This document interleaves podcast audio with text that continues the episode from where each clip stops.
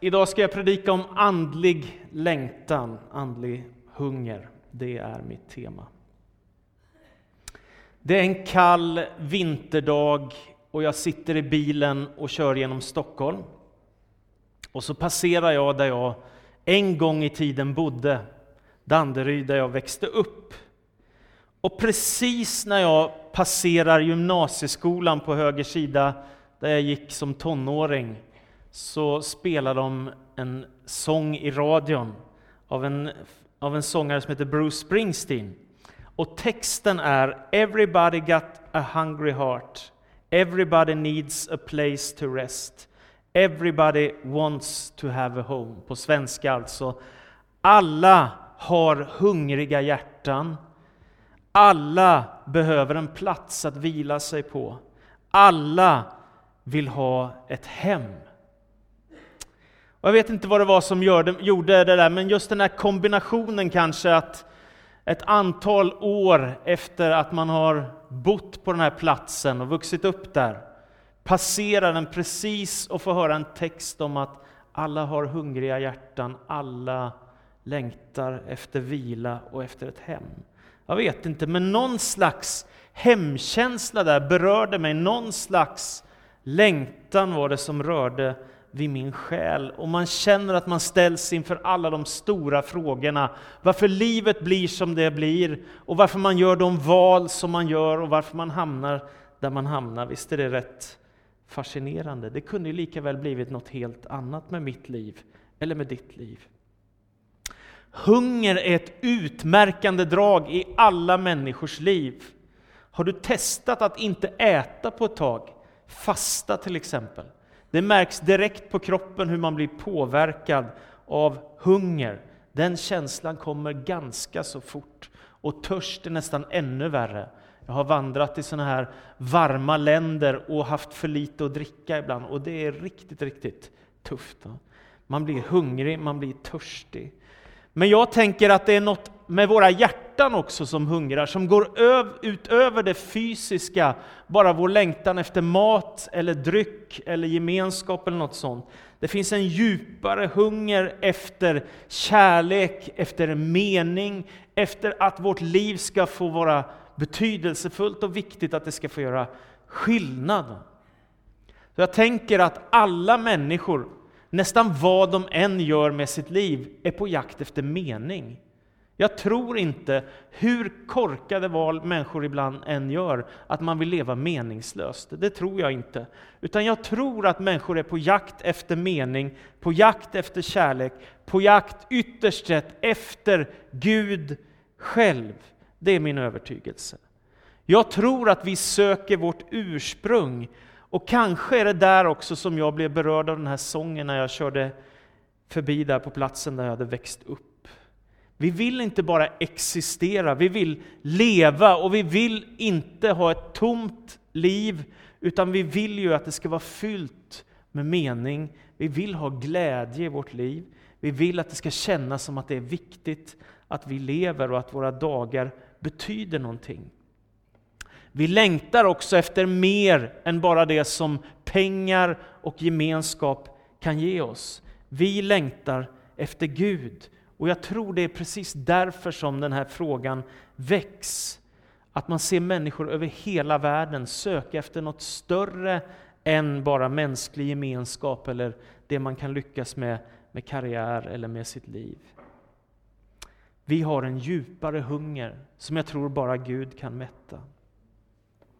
Det är ekumenisk bönevecka i Jönköping, där jag jobbade för ett antal år sedan. Och kyrkorna i stan anordnar många gemensamma gudstjänster under den vecka som man har i januari varje år. Och den här gången så är det min vän, pastorn och författaren Hans Johansson, en av de som har betytt allra mest för mig, som var pastor och förkunnare. Han kommer, vi hälsar, vi firar gudstjänst i Sofiakyrkan i Jönköping. Det är välfyllt, det är en fröjd att lyssna till en människa som har ägnat så många år av sitt liv till Bibeln och till bönen och livet med Gud. Han var, past, han var missionär i Iran, sen var han pastor under många år i Philadelphia kyrkan i Örebro bland annat. Men framför allt så ägnade han många år åt att utbilda pastorer och, och ha undervisning för pastorer på Örebro missionsskola. I alla fall så sitter jag och lyssnar på honom. Och han har någon slags profetisk gåva i sitt liv och en andlig tyngd som rör vid min själ. Låt mig bara ge ett citat ifrån hans predikan. Så här säger han. Jag är inte bara skapad av Gud, också för Gud. Han är vårt mål och det märker vi när vi vänder oss inåt. I vår själs innersta rum har Gud lagt ner en längtan, en outplånlig längtan efter sig själv. Och det gör vår törst efter Gud ofrånkomlig. Livets mål för varje människa är att bli delaktig i den treenige Gudens självutgivande kärlek. Och när vi i tro öppnar oss för Andens gåva så är det det som händer. Vi får del i detta liv. Innehållsrika meningar, varenda ord är genomtänkt. Efter predikan, när han är färdig, så är det många som söker förbön och det är många som går fram där i den här Svenska kyrkans fina lokal där och tänder ljus och ber till Gud i stillhet. Sen går vi till en restaurang och sätter oss och samtalar. Och det är en fröjd för mig att få göra det med någon som har samma passion som jag. Jag kan prata lite om bilar, jag kan prata lite om sport, men jag kan prata väldigt mycket om Gud. Det är min passion. Så vi delar livserfarenheter, vi berättar för varandra om det både som är glädjefullt och det som är mer smärtsamt, det som är vackert och det som är jobbigt. Men sen börjar vi prata om Gud. Och vi kan inte sluta, utan vi pratar nog i timmar med varandra om Gud. Och efter ett tag så inser jag att vi båda sitter med tårar i ögonen och är så tacksamma för vi känner igen varann och längtan och passionen som vi har i våra hjärtan för den oemotståndlige, himmelens och jordens skapare, Gud själv. Människans sökande kan ta sig uttryck på väldigt många olika sätt. En jakt sätter igång förr eller senare på det som är meningsfullt i alla människors hjärtan. För en del så blir det väldigt, väldigt bra och många hittar Gud. Andra går fullständigt vilse och hamnar i svårigheter och går in i liv som inte alls är bra utan destruktiva. Men jag tror att väldigt, väldigt många svenskar går in i en sån enorm flod av aktiviteter och sån enorm stress ofta, att det är så lätt att tappa bort gudsfrågan. Och då tänker jag att hur roligt man än har så nöjer man sig med mindre än det man är skapad för. Är ni med? Alltså man nöjer sig med lite istället för mycket. Man nöjer sig med det lilla istället för det stora. För jag tänker att det är alltid större att få söka Gud, att få vara i hans närvaro och blanda in honom i varenda dag som jag lever. Det gör mitt liv så mycket mer meningsfullt och så mycket mer fyllt av glädje. Så det går inte, tänker jag, att mota bort Gud. Man behöver Gud och förr eller senare så inser man det som människa. Och när man läser Bibeln så kan man konstatera att det är inte alls så som man säger i humanismen, att människan är alltings centrum. Utan det är precis tvärtom. Gud är alltings centrum. Det är från honom som allting utgår.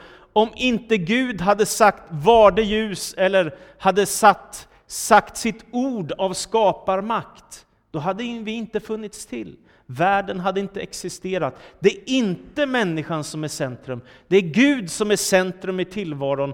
Och det är också det som gör människan så stor, för hon är skapad till gemenskap med Gud. Och hon är hans avbild i skapelsen. Det är därför människan är så oerhört viktig. Så det betyder inte att säga att Gud är världens centrum, att människan blir mindre viktig. Det är precis tvärtom. Människan är inte bara en slump, utan hon är skapad i begynnelsen av himmelens och jordens skapare, som sa sitt ord och världen blev till. Och det är därför som vi existerar. Kung David säger i en av psalmerna att Jag tackar dig för att du har skapat mig så övermåttan underbar. Gud är aktivt involverad i dig och i mig, i ditt och mitt liv. Och eftersom det är Gud som har skapat oss, så är det bara han som kan mätta den andliga hunger som vi har. Det är bara han som kan göra det. Många saker kan man mättas med på annat sätt. Om man är hungrig kan man äta, är man törstig kan man dricka, längtar man efter att se något vackert kan man gå ut i naturen. Ni vet, det är mycket sådana behov som kan mötas, men det är bara Gud som kan möta vår djupaste hunger och längtan, och det är han själv som är svaret på vår törst. Gud är början och slutet, den som uppehåller hela världen. Egentligen är han allt. Det är han som gör att vi existerar. Allt annat som finns är skapat, det är bara han som är skapare. Allt annat existerar för att han har sagt sitt ja till oss. Utan Gud skulle världen inte finnas. Därför är jakten efter Gud det viktigaste som en människa kan ägna sig åt, tänker jag. Det största äventyr man kan ge sig ut på. Och det finns en författare som heter Sören Kierkegaard. Han är ganska känd bland filosoferna. Han säger att man måste våga kasta sig ut på 70 000 famnars djup för att se om det bär. Våga kasta sig ut i trons värld. Och så tänker jag att det är att ta steg i tro. Kung David, tillbaka till honom. Han skriver i Saltaren kapitel 16 och vers 2. Jag bara tar en vers nu och så kommer jag ta no plocka några verser till. Där säger kung David, jag säger till Herren, min härskare, mitt högsta goda är du. Jag säger till Herren, min härskare, mitt högsta goda är du. Om man läser Bibeln så kan man konstatera att det finns en del böcker i Bibeln som inte är fyllda av texter om Gud. Det är lite fascinerande. Till exempel Esters bok. Där står det inte mycket om Gud. Eller Höga visan som handlar mest om kärleken. Eller större delen av Ordspråksboken som handlar om att fatta kloka beslut och vara vis. Eller Predikaren som handlar om livets fåfängligheter och tomhet. Men i Saltaren finns Gud överallt, på varenda sida och nästan i varenda vers. Han är på raderna, han uppfyller texterna. Salmerna är till bredden fyllda av Gud och hans närvaro och hans verk som människor har upplevt. Så de här urgamla, mångtusenåriga böneorden klingar med ett språk som Guds älskare förstår. Man känner igen sig. Känslorna, längtan, sorgen, glädjen, passionen, smärtan. Allt kopplas till Gud. Det finns inget som kopplas bort ifrån Gud. Inte heller det svåra, inte heller lidandet, utan det kan komma Min Gud, min Gud, varför har du övergivit mig? Alltså också det svåra tas med i Saltaren. Kung David, han har gjort en stor upptäckt. Han har insett vem Gud verkligen är. Och den insikten är hans största lycka. Därför säger han om Gud, du är min härskare och Herre och mitt högsta goda, det är du. Jag tänker att allt för många människor nöjer sig, som jag sa, med det lilla. Man blir tillfredsställd för enkelt. Man förstår inte att man behöver vara på jakt efter de stora frågorna, utan blir helt fångad av allt smått. Därför behöver man ibland lyfta blicken och släppa loss sin längtan och passion och låta sitt hjärta styras mot Gud, hungern efter honom. Det finns en kärlek och man har insett att Gud är det högsta goda som finns som går ut över det vanliga. Lyckan i att äga Gud, lyckan i att ha gemenskap med honom som är vårt ursprung. Och i en engelsk översättning av den här versen står det Du är allt det goda som jag behöver. Enligt kristen tro så är Gud det mest fullkomliga och högsta som existerar. Och det är därför som människa att be, eller att lovsjunga, eller att söka är så oerhört viktigt. Därför att det laddar mitt lilla vardagsliv med så stor mening att jag har med Gud att göra. Du är allt det goda jag behöver. Du är mitt högsta goda. Om Gud är det högsta och det mest fullkomliga som finns, då borde det också leda till den mest fullkomliga glädje. Och jag tänker ibland så här, hur kan människor nöja sig bara med att köpa en fin bil? Eller bara med att renovera sin lägenhet eller ett hus? Hur kan man nöja sig med att bara åka på semester och ha några dagar i solen förhoppningsvis? Hur kan man nöja sig med det? För mig, det är inte alls tillfredsställande nog för mig. Jag längtar efter mer. Sen är ju allt det där roligt, det är inte så jag menar. Men det finns något djupare att söka. Det är det kung David upptäcker. Du är mitt högsta goda. Det finns inget som kan ersätta Gud. Det tror jag vi kan vara överens om. Det finns inget som kan ersätta Gud. Och i vårt hjärtas allra innersta så finns en saknad, en sökande, en längtan som gör att vi hungrar efter Gud, att vi vill något mer med vårt liv. Sen är det många människor, och särskilt i Sverige där vi har gått igenom en djup, tragisk sekularisering, där människor distanserar sig från Gud och kanske lever bara sitt eget liv och åren rullar på och så blir det inte mer, man missar att koppla med Gud.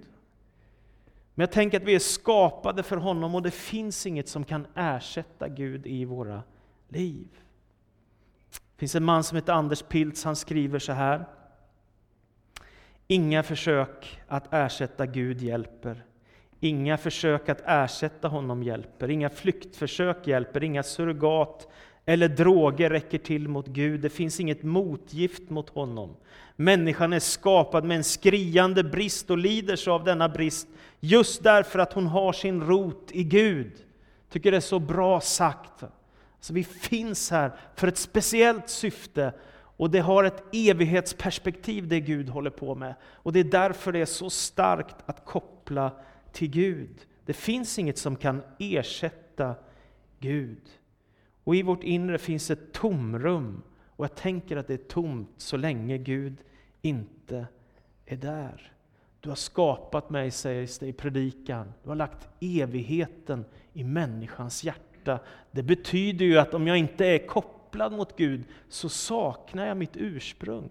Jag saknar den som, jag, som gör att jag existerar. Jag saknar den som är mitt mål och min framtid och mitt hopp och min frälsning. Hungern är inriktad, inristad i våra hjärtan. Och det utgör vår viktigaste identitet att lära känna Gud, förstå att vi är Guds avbilder. Tomrummet kan inte fyllas med något annat än Gud, tänker jag. Och det är därför det är så stort att komma hem till Gud. Att vara på resa mot Gud hela sitt liv. Det finns ju en så vacker tradition i den kristna kyrkans historia, det är att man går på pilgrimsresa. Jag tycker det är jättefint. Och ibland har det inneburit rent fysiskt att man vandrar 50 mil, eller 80 mil, eller 100 mil från en kyrka till en annan, eller från en stad till en annan, för att bara få tid att vara med Gud, få vara på vandring. Och jag tänker att så är egentligen hela vårt liv. Vi är på resa hem mot Gud. Varje dag du får en gåva ifrån honom. Och du lever inte bara flyktigt hur som helst, du är på väg hem till himlen. Därför är den stora hemkomsten att söka sig mot Gud och göra resan mot Gud. Och jag tycker så mycket om berättelsen om den förlorade sonen. För den säger så mycket om hur det är att vara människa. Ni vet, liknelsen som Jesus berättar om två söner. Den ena stannar hemma, den andra ber sin pappa om att få ut sin del av arvet fast pappa inte har dött. Nästan en förolämpning.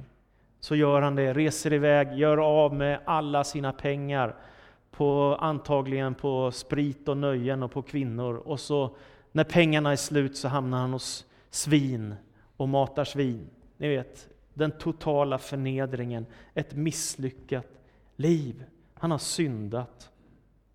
Och så börjar han tänka på sin pappa. Och så bestämmer han sig för att vända hem. Och så tycker jag det är så oerhört vackert att det, Jesus säger att när pappan ser sin son så fylls han av medlidande. Det är vackert. När han ser honom. Den där pojken jag uppfostrade, han har ställt till det för sig. Men det är min pojke. Är ni med? Medlidande. Så han springer emot denne pojke för att krama om honom, omfamna honom, sätta en ring på hans finger, sätta på festkläder, ordna fest för hans son som var förlorad, men som har kommit hem. Och Den här berättelsen är ju inte en fin berättelse om medmänsklighet, utan berättelsen är en berättelse om vem Gud är och vem människan är. Är ni med? Alltså människan kan vara hemma och ändå inte förstå vad man har och vilken glädje det är att vara hemma hos far, Gud. Men människan kan också ge sig iväg på distans bort ifrån Gud och tänka min lycka det är om jag bara får många kvinnor, mycket pengar eller mycket häftiga upplevelser, då kommer det hända. Men det är inte det som är livets stora lycka, utan det är att vara på resa hem, hem till Gud. Och män i antiken, ni vet, de sprang aldrig. Men den här pappan springer mot sin son. Och det är som att vi får höra i den här texten, den här berättelsen som Jesus ger, att Gud springer mot oss. Han söker oss, kanske ännu mer än vad vi söker honom. Och jag tänker på profeten Jeremias ord, han säger Gud med evig kärlek har du älskat mig och därför låter du din nåd förbli över mig.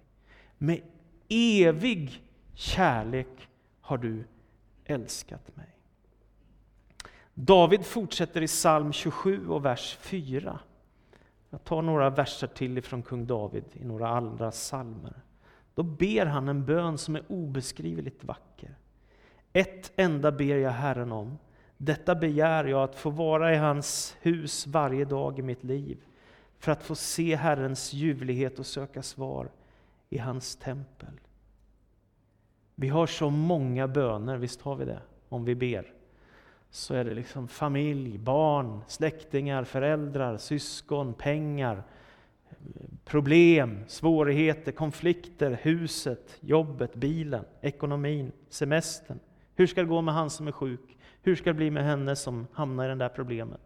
Hur ska det gå för honom? Ni vet, det finns tusen böner att be. Men David har kommit lite djupare i sitt böneliv, så han säger ett enda ber jag om. Detta begär jag, att få vara hos Herren, i hans hus, varje dag i mitt liv. Alltså I vår tid, vi har ju svårt att hinna med att gå i kyrkan en gång i veckan, det är nästan stressande för svenskar. Men David han ber Herre, varje dag vill jag leva med dig. Varje dag vill jag att du ska vara min Herre. Att du ska vara min bön och min längtan. En enda bön. Så kan det bli när man kommer in i en djup gudsrelation. Jag ber bara om detta enda, att få vara nära, nära dig. Gud, det är min bön. Vilket djup han har nått, att få söka Guds ljuvlighet och härlighet. Jag befinner mig på retreat. På retreat kan man åka om man bara vill ha några dagar i stillhet och tystnad. Det är inte så ofta jag vill det. Men ibland vill jag det. Och det här var en av de gångerna som jag ville det. Och då är det väldigt speciellt, man får inte prata. Utan det enda som händer är att man sjunger sjunger lovsång, sjunger salmer, ber tillsammans, lyssnar på undervisning. Man kan få ha andliga samtal med någon andlig vägledare, annars är man tyst i flera dagar. Och man äter tillsammans och ber i stillhet. Hur som helst så kommer vi till det här retreatcentret, det är en väldigt vacker miljö. Vi äter tillsammans och nu säger de andliga vägledarna, nu blir det tyst. Och så är det dags efter måltiden i tystnad att fira gudstjänst i det vackra kapellet. Och vi sjunger till Guds ära, vi läser bibeltexter och ber böner tillsammans. Och det finns också tid för fri bön, att någon får leda i bön för något speciellt bönämne och flera människor ber. Och så är det dags för undervisning, fantastiskt god andlig vägledning om att leva nära Gud i kärlek genom andliga övningar och discipliner.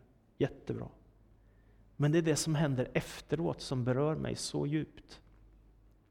För när vi avslutar gudstjänsten, då ser jag att han som hade undervisningen, han går inte ut när gudstjänsten är slut. Utan han ligger där framme på knä. Och så ser jag den ena efter den andra går ut och han är kvar på knä. Och jag tänker, ja, jag ska vara kvar bara för att se på honom. så jag sitter kvar och det går nog fem minuter och han är kvar på knä. Och det går nog tio minuter och han ligger kvar på knä och alla andra nästan har gått ut. Och jag blir bara lycklig bara av att se en sån människa som har ett sånt starkt centrum och har förstått så djupt vem Gud är och tiden går och han ligger kvar på knä. Och jag tänker, lite mer sån skulle jag vilja bli. Jag fylls av tacksamhet att det finns människor som söker Gud så hängivet. Och den gudskärlek som föds i mötet mellan Gud och människa, den måste man också uttrycka i ord. Jag har sagt så många gånger att det bara är liksom handlingar som betyder något, men det är inte så. Ord betyder också oerhört mycket. Och att få leva sitt liv i tillbedjan, det är en tillfredsställelse som är så djup. Att få leva för att ära Gud, att få lovsjunga och tillbe honom som är vår skapare och vårt ursprung. Inget är större, inget är skönare. Kung David säger i psalm 143 och vers 6. Jag sträcker mina händer mot dig och jag öppnar mig som törstig jord. Visst är det vackert? Jag sträcker mina händer mot dig och jag öppnar mig som törstig jord. Davids längtan driver honom också till tillbedjan och lovsång och bön. Att få upphöja och ära Gud, att få be till honom som är skapare. Han lyfter sina händer, han böjer sina knän, han ärar Gud och söker honom, sträcker händerna mot den som har skapat honom, öppnar sig som törstig jord. Och I psalm 29, vers 2 säger David, Ära Herrens höga namn, fall ner på knä inför Herren i helig skrud. Det finns något i det där att lära känna Gud, att på riktigt få gemenskap med honom, som gör att man blir så passionerad att man bara måste få tillbe. Och det är någon slags kapitulation att jag ger mig. Gud, du får mitt liv. Du får mitt hjärta. Jag behöver inte brottas mer med dig. Du äger mig. Jag är din och du är min. Det är denna kärleksgemenskap som vi är skapade för och som också gör att vi får en längtan efter att tillbe honom som är nära oss och som älskar oss. Så tillbedjan, det är människans svar på Guds kärlek och storhet. Det är att drabbas av något som är så oändligt mycket större än allt annat du kan möta. Därför när människor kommer tillsammans för att tillbe, så kan någonting hända med de människor som på ett ärligt och uppriktigt sätt söker Gud i förtröstan på honom. Det kan förändra atmosfären i en gudstjänstlokal. Så den människa som kommer så oerhört stressad, eller trött, eller ledsen eller besviken undrar vad är det här? Det är någonting mer. Det finns en atmosfär. Och helt plötsligt, man som är ofokuserad eller okoncentrerad kan uppleva Guds närvaro. Gå mot avslutningen nu. En av Värmlands allra mest kända författare heter Selma Lagerlöf. Ni som kommer ifrån andra länder, ni har kanske inte hört talas om henne, men hon är superkändis i Värmland, en av Värmlands mest berömda författare. Hon har skrivit en bok som är väldigt känd som handlar om Gösta Berling. I den finns en berättelse som jag tycker så mycket om.